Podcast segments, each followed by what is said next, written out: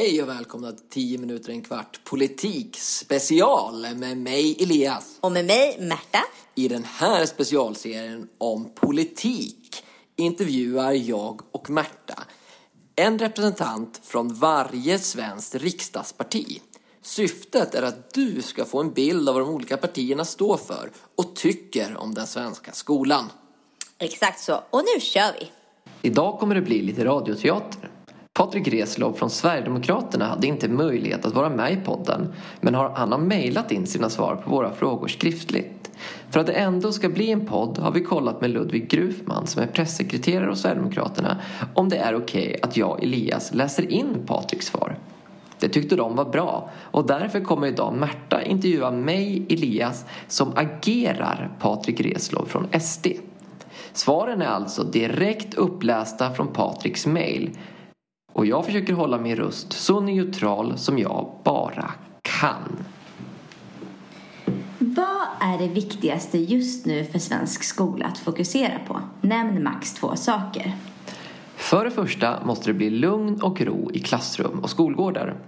Att det är ordning och reda är en viktig förutsättning för lärande och det vi ser är att de elever som är i störst behov av hjälp är de som drabbas när det inte är lugnt på lektionerna. Vi menar därför att lärarna ska få fler verktyg att hantera ordningen samt att elever som kontinuerligt stör lektioner eller mobbar andra elever ska flyttas till så kallade jourklasser. Vi vill också ha ordningsomdömen inskrivna i betygsdokumentet. För det andra måste det bli starkare fokus på kunskap. Här finns ett flertal nycklar.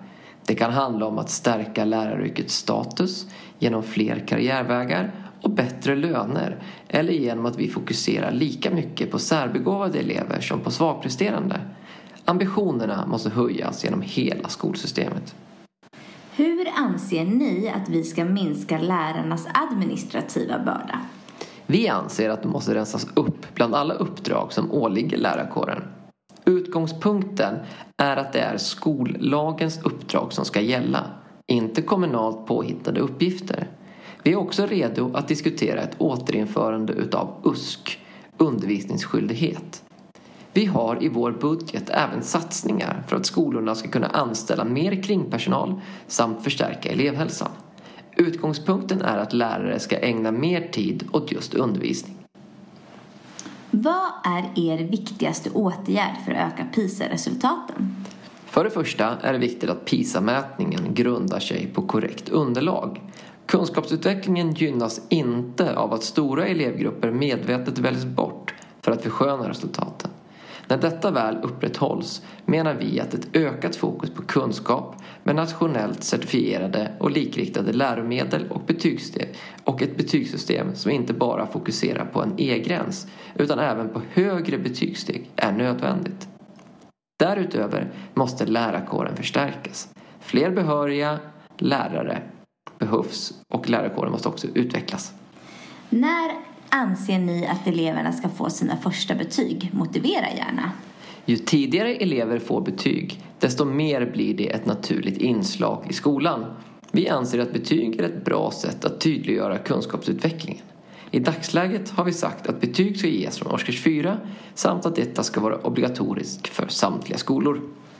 Om du blir utbildningsminister imorgon, vad är då det första du gör? Det finns en hel del saker att ta tag i direkt. Men en av dessa skulle nog vara att låta lärarkåren få större frihet över såväl undervisning som betygssättning.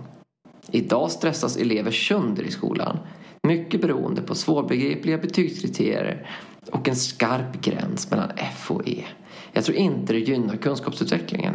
Kurslitteraturen måste få ökad betydelse och kunskap bör mätas utifrån hur väl du kan din kurslitteratur.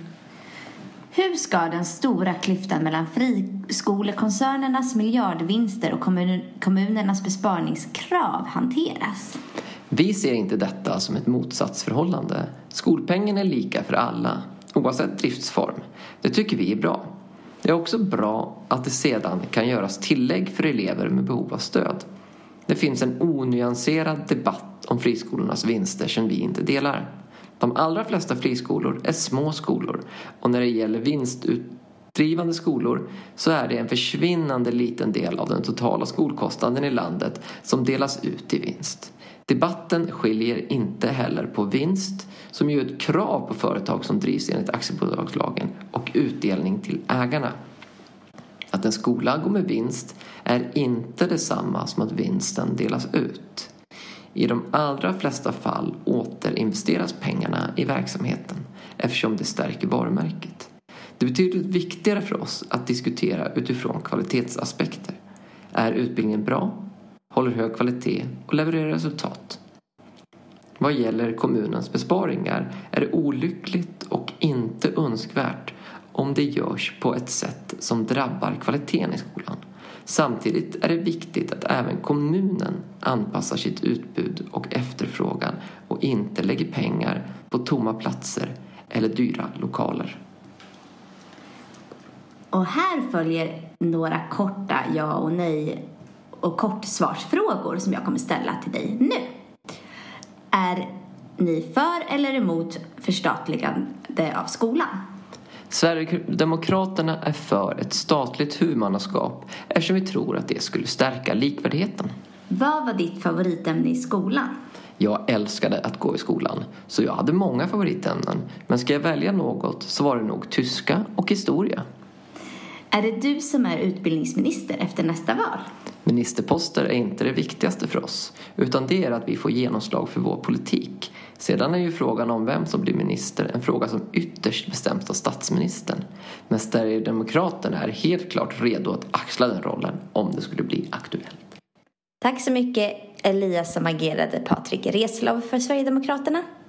Det här var 10 minuter en kvart politik special som är gjord av mig Elias. Och mig Märta. I samarbete med vikarielärare.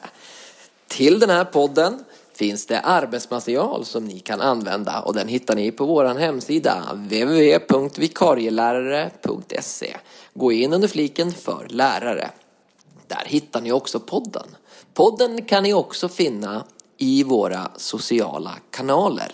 Vi finns på Facebook som vikarielärare och gå in och gilla och vi finns på Instagram som vikarielärare. Gå in och följ oss där. Både på Facebook och Instagram finns vi också som Kunskapsbanken eller som Lärarnas kunskapsbank. Följ och bli medlem. Ha det så bra. Hej då!